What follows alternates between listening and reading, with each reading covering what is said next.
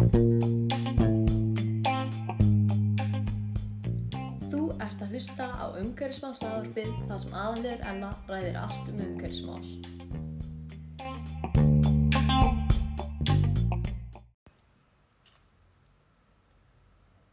Velkomin í umhverfismál hlaðarpið. Þetta er þáttur nr. 2.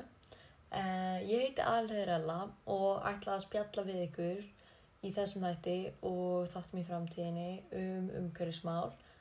Uh, ef það hefur lustað á þátt nr. 1 veistu að í þeim þætti spjalla ég við Kolbrúnu sem er formaður Plastlaus September á þessu ári um átakið Plastlaus September og líka bara aðalega hvernig, eða ekki aðalega, líka hvernig maður þarf að vera með hugafar sem er jákvægt til að geta minka plastsóðuna sína og orðið umhverfisvætni. Því að ef maður að vera með neikvægt hugafar þá, þá verður þetta allt svo mikið erfiðara. En í þessum þætti ætla ég að bara svona tala um hvað maður getur gert sjálfur en þetta verður bara svona smá framhald af síðasta þætti og já, ég ætla að bæði að tala um hvernig maður getur minka plastið sitt og hvernig maður getur minka kólefnissporið sitt og hvernig maður getur, veist, frætt sig og svo nokkur form af svona aktivism að maður er alveg komin á það level. Þannig að ég ætla ekki að hafa þessa kynningu eða svona byrjunarkynningu of langa. Þannig ég ætla bara að fara strax í hvernig maður getur minka plastið sitt út að það tengist nú svona eiginlega alveg beint síðasta þetta sem að endilega hlusta á að þau eru ekki búin að hlusta á hann. Um, ég er búin að punta niður hjá mér svona í hverjum flokki fyrir sig nokkra hluti sem ég ætla að tala um þannig að ég ætla bara að byrja. Fyrsti punkturinn er mjög svona basic og það er bara endur nýtanlega vassflaska. Bara taka hana með sér alltaf, alltaf í töskunni sinni og þá spara manni svo mikla plastflöskur. Og það getur verið bara eitthvað sem þú finnur heima hjá þér. Eða þú getur keift einhverju úr stáli eða þú veist plasti, kannski ekki best plastið en það er auðvitað möguleiki. Og já, bara hafa hana alltaf með sér. Næsta er ekki það basic, það getur alveg verið svolítið erfitt á Íslandi. En það eru áfyllingar áfyllingar á þú veist alls á matvöru sápum og þú veist uppáttalöfum og þannig þannig hlutum. Eins og þú veist þá tekum maður bara sína eigin krukkur ég veit um eina þannig búið á Íslandi sem selur mat með svo leiðis eða tvær, það er matarbúr kæju, ég held að þau séu með svona til að fylla á þú veist bara hrísgrjón og hveiti og pasta og eitthvað svo leiðis og svo er líka búð í Hafnafyrði sem ég man ekki alveg hvað heitir. En ég, já það er, það er alveg nokkri staðar á Íslandi en ef þú býrð út á landi gæti alveg verið erfitt að, fylg, að gera þennan punkt. Þannig að þá finnur maður sér bara eitthvað annað sem hendar manni. En svo getur maður alltaf svo eru marga búðir á Íslandi komnar með til að fylla á svona sápur og svoleiðis þannig að það getur alveg verið auðveldara. Næsti punktur sem ég er með er bara bambustambusti og tannkremstöflur. Ég persónulega nota bambustambusta og hef prófað eina tegund af tannkremstöflum sem ég líka ekki alveg nóg við en þess þann en maður, ég er bara ennþá líka að prófa mig áfram og ætla að skoða þetta meira og finna mér öðruvísi tannkremstöflur en ég mæla alveg mikið með bambustambustum það er svo komið svo mikið úrval að þú mynd 100% finna eitthvað fyrir þig svo ef þú ert ekki alveg komin í bambustambusta þá er alltaf hægt að kaupa sér úr endurunnu plasti. Þannig að það eru, það eru mismunandi margar mismunandi leiðir afsakið sem hægt er að fara. Næsti punktur sem ég hafa með er sápukubbar eða stykki. Þá er ég að tala um bara handsápu, líkamassápu, shampoo, hárnæringu, það er að kaupa þetta allt saman í stykkjum, andlitsápu og þetta er eiginlega svolítið líka maður þá bara að prófa sig áfram. Ef maður kaupir eitthvað sem hann líkar ekki við þá þarf maður bara í rauninni að prófa sig áfram og reyna að nýta það sem maður kefti sér í eitthvað annað bara, þú veist. Allt sem maður virkar ekki hárið á manni getur alveg þess vegna verið notað sem líka maður söppa. Þannig að já, bara prófa að segja áfram í þessu öllu saman sem ég er að fara að punkta upp. Maður, þú veist, maður þarf bara að prófa að segja áfram. Ég er búin að segja það mjög oft í síðustu mínútunni en það er í rauninni bara eina leiðin. Um, punkturinn sem ég vil næst skrifa niður eru endurnýtanlega tíðavörur. Ásaki, þá er það bara til dæmis dömubundi, svona nærbuksur, álfabikar eða úr svona endurvinn, svona efnum sem brotna niður í náttúrunni. Það er líka hægt að kaupa svoleiðis, ég veit ekki alveg hvar, en þetta er, þetta er allt saman mjög góði möguleikar. Um, ég er líka með skrifa niður stál rakvél og ég persónulega hef ekki prófað það en ég hef séð, heyrt, séð og heyrt marga góða hluti. Svo er líka annar, ég vildi bara skella inn einum mjög basic líka hérna og það er bara taupokarnir.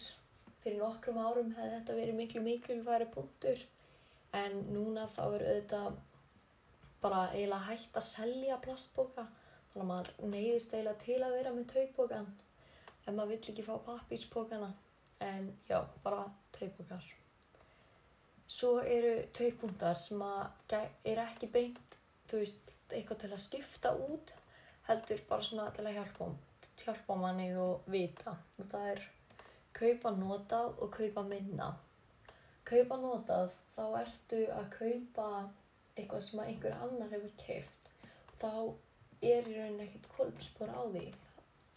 Og þá, það er bara miklu betri nýting á hlutunum eða þeir fá eitthvað annað líf. Svo er náttúrulega bara kaupa minna það er, það getur alveg verið smá erfitt og já, bara, þetta er um hugafarið. Að svona, já, að vera bara alltaf með það bak við eirar, þannig að maður þarf ekkert endilega alltaf að kaupa hlutina. En svo auðvitað, ef þetta er bara eitthvað geggja flottur kjóll eða eitthvað, þá get ég svo sem ekki sagt neitt. Nú er ég búin með alla svona, allt sem maður getur skipt út og svo er auðvitað endalust meira af þessu og það er hægt að googla bara Zero Waste Swaps eða fara inn á heimasíðu Plastless September eða, eða góða á Pinterest eða Instagram eða eitthvað, þú veist, það er allstað hægt að finna svona möguleika. Gæti ekki alltaf því verið til á Íslandi en maður þarf bara að finna svolítið leiðina sem hendar sjálfum sér. Hvað virkar fyrir þig að gera í dag, á morgun, í vikunni? En já, næsta svona flokkur sem að ég ætla að tala um, það er bara að minga kjötneyslu því að raukt kjöt um, er svona mest mengandi en það er mjög sniðut að byrja bara auðvelda. Ein kjötlaus máltíð í viku. Það er ein af mjög mörgum máltíðum og það er mjög góð byrjun. Svo getur maður kannski fært sér upp í einn kjötlaus dagur í viku. Og svo framleiðist. Eða, orð, eða farið aðra leið í þessu orðið fyrst vegetarian, svo pescatarian, svo vegan. Nei, orðið fyrst pescatarian afsakið. Það eru græmitsætur sem að borða fisk líka. Svo getur maður tekið út fiskinn svo getur maður tekið út kjötið. En svo fyrir suma þá er að minga kjötneslu bara ekki leiðin sem að þeir geta farið út af bara mörgum ástæðum getur verið hvað sem er. Þá er hægt að fara til dæmis næstu leið sem ég ætla að tala um og það er að nýta sér almenningssamgöngur. Það er miklu umhverfisvæna en enga bílinn og þegar ég segi almenningssamgöngur þá er ég nú bara að tala um strætó því að það er nú ekki mikið margir aðri möguleikar í bóði á Íslandi. En já, strætóar þeir eru mjög snöður ég veit ekki alveg hvað ég á að segja meir um þá en maður getur bara fengið sér strætó appið og aðeins kíkt á þetta. Ég, já, en ég ætla bara að fara næst, strax í næsta punkt. Það er matarsóun.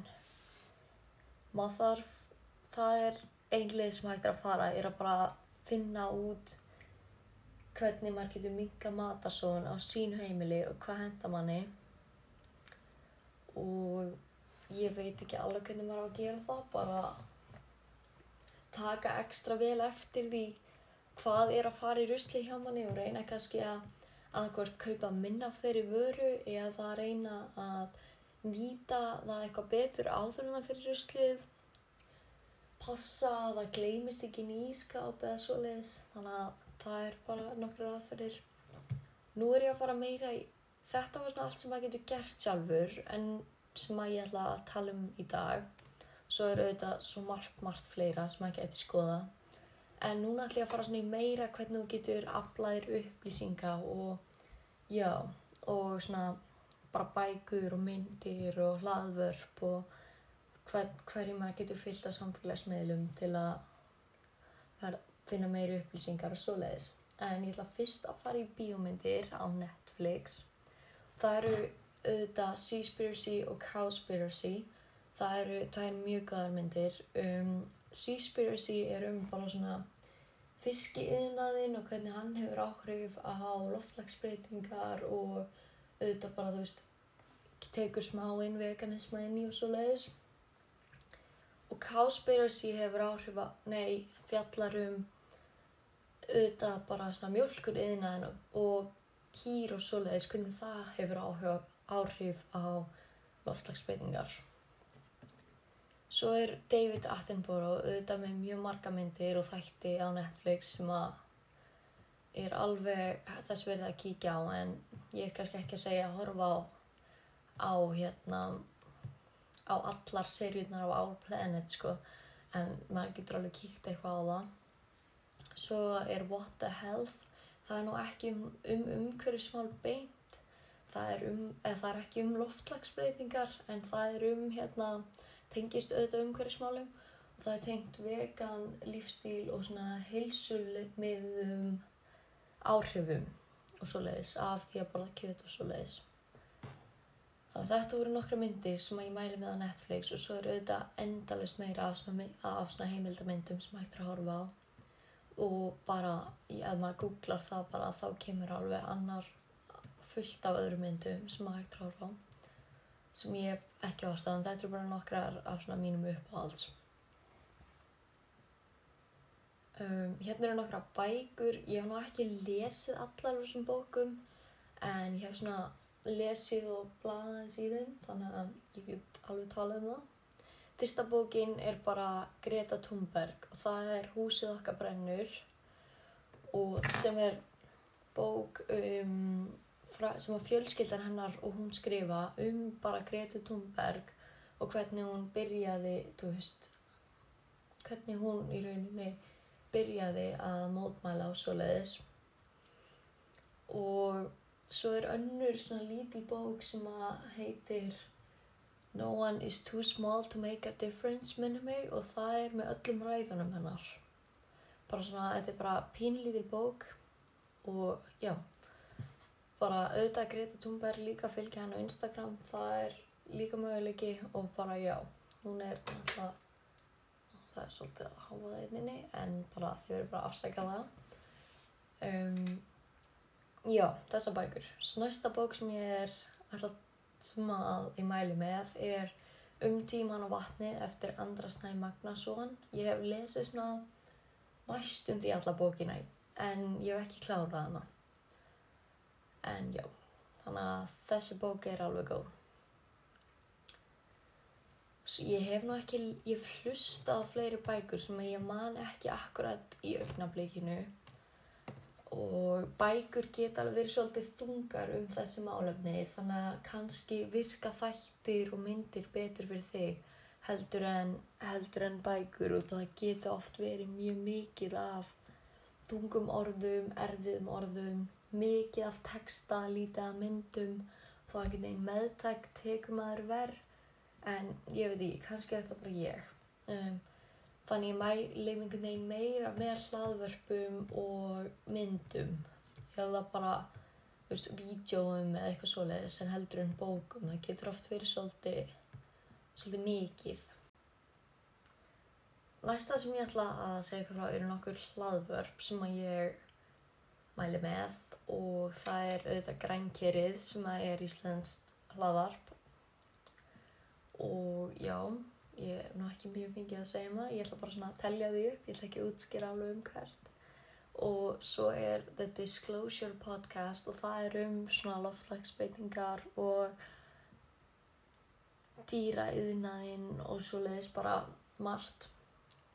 Svo er Sustainability Defined, það er mjög gott podcast það sem að er rætt bara í rauninni allt tengt umhverfismálum.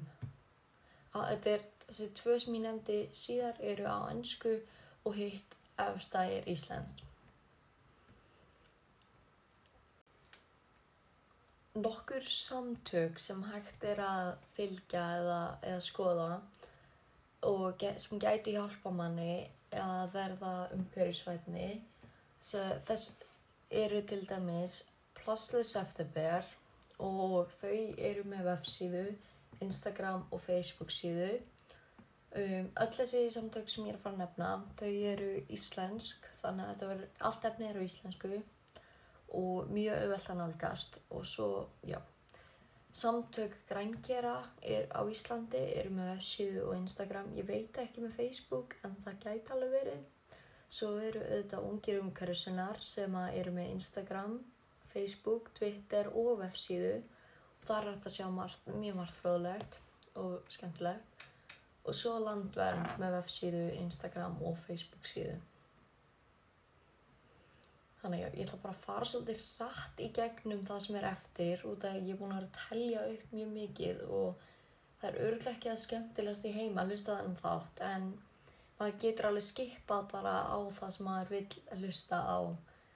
Eða kemur kannski, þú veist, að ég veit ekki hlaðvörpunum og þú veist, þú vilt bara hlusta það, þá, þá er það allt í læg og þetta er mjög mikið bara ég að telja upp hluti bara svona að reyna að koma eins miklum upplýsingum og hægt er út þú veist inn í lagarpið á sem styrstum tíma og það er ekki mjög mikið eftir en næst ætla ég að fara í aktivisman og ef maður finnst maður ekki endilega geta breytt miklu sjálfur en vil samt fá stærri breytingar þá er mjög sniðut að fara í svona, ekki beint aktivisma, en þetta er meira bara svona, svona stærri hluti sem hægt er að gera.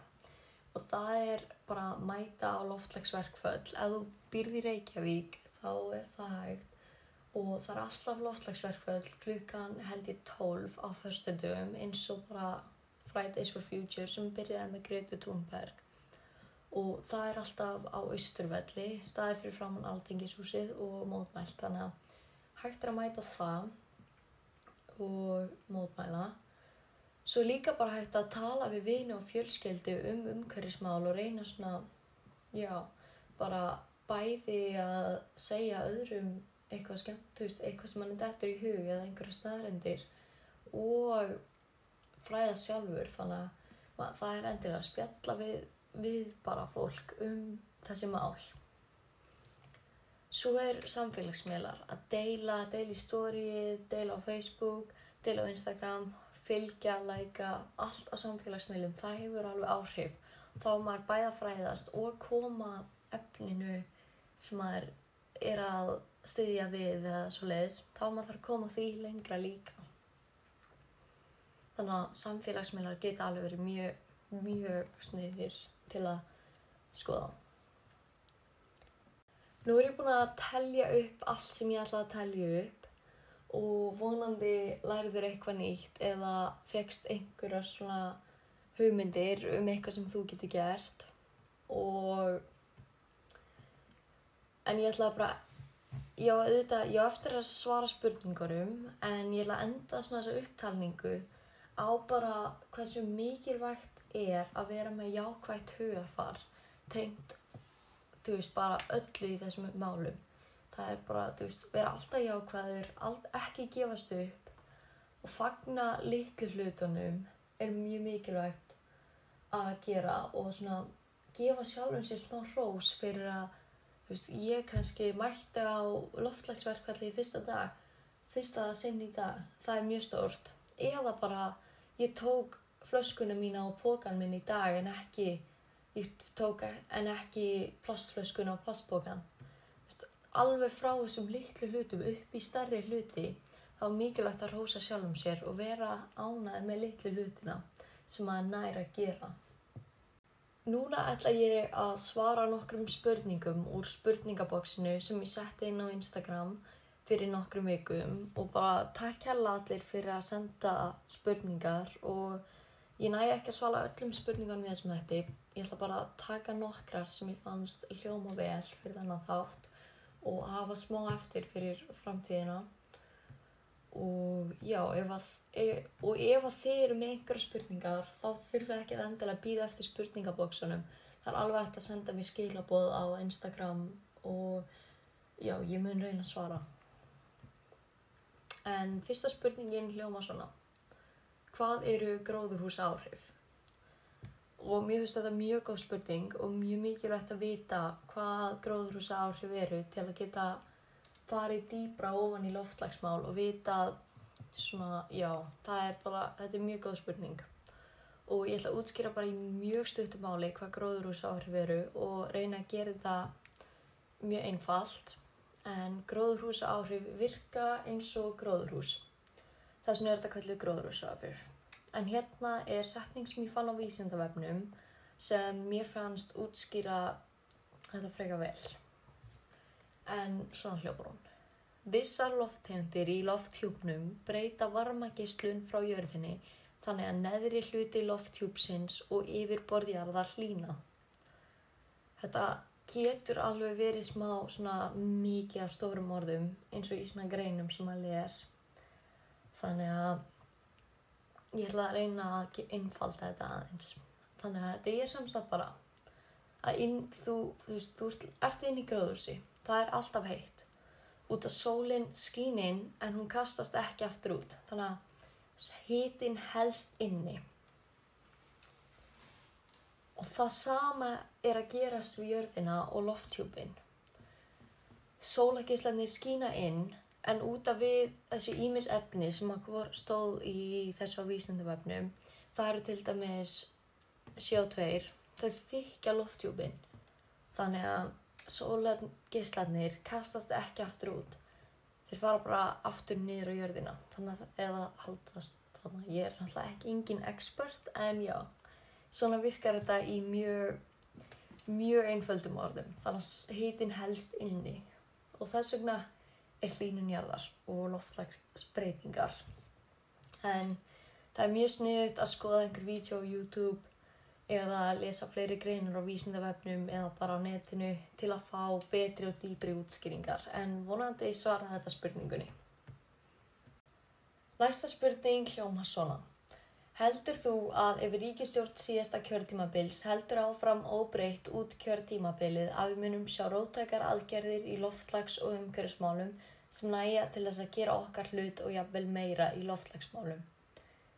Ég held því miður að ef ríkistjórn síðasta kjörtímabils heldur áfram að við fáum ekki meiri aðgerðir loftlagsbreytingum vegna þess að flokkar eins og framsókn og sjálfstæðisflokkurinn fengu ekki góða engun í sólinni sem er hvarði umgru umhverju sinna fyrir loftlagsbreytinga fyrir alþingiskostingar, afsaki mig og, og vinsti grænir fengu mjög góða engun en töpuð fylgi og þessi flokkar sem fengu verri engun hækkuði fylgi.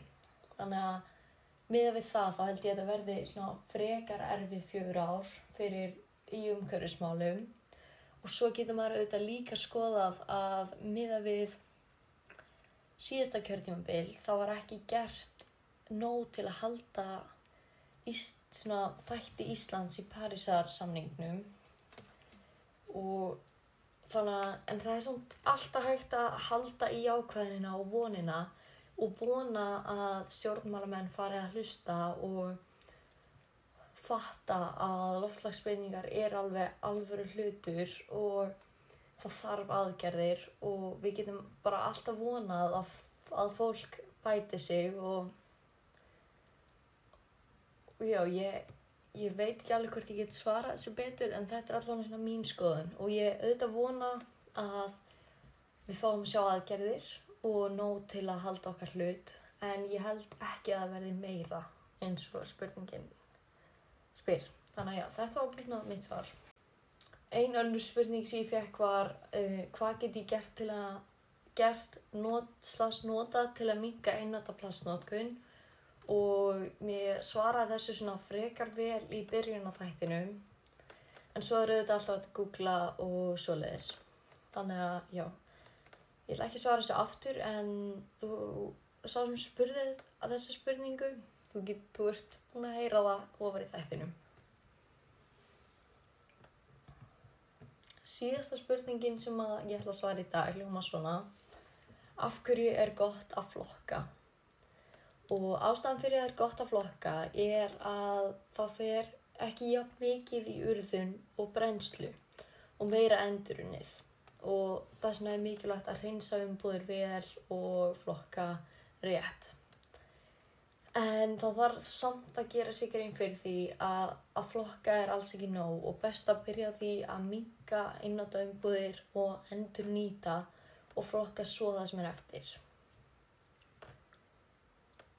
Um, já, bara takk allir fyrir að senda inn spurningar aftur og vonandi næja að hafa aftur eitthvað svona spurninga þátt.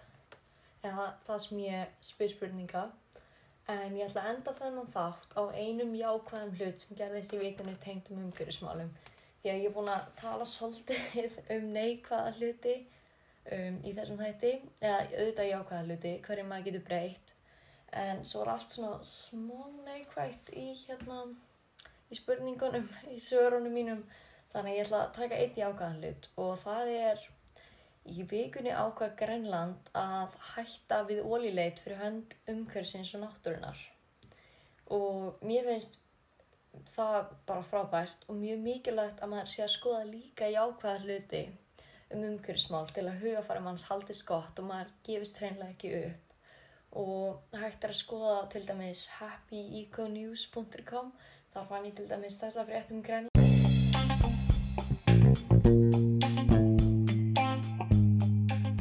þannig að haldið að framvara jákvæð. Reynið að gera eitthvað besta bara. Og takk hérlega fyrir að hlusta. Ég vil minna á að hlaðvarpið er með Instagram og Facebook síðu. Þannig endilega followið og skellið lækið þar og ef að þið viljið einhver hluta vegna skilabó, senda skilabóð eða hafa samband þá er alltaf Instagramið eða hægt að senda mér gmail eða e-mail á gmailið mitt sem er adalheiður ea.gmail.com þannig að það er alveg möguleiki. En ég lakka til að spjalla aftur við ykkur næsta þætti og bara já, bye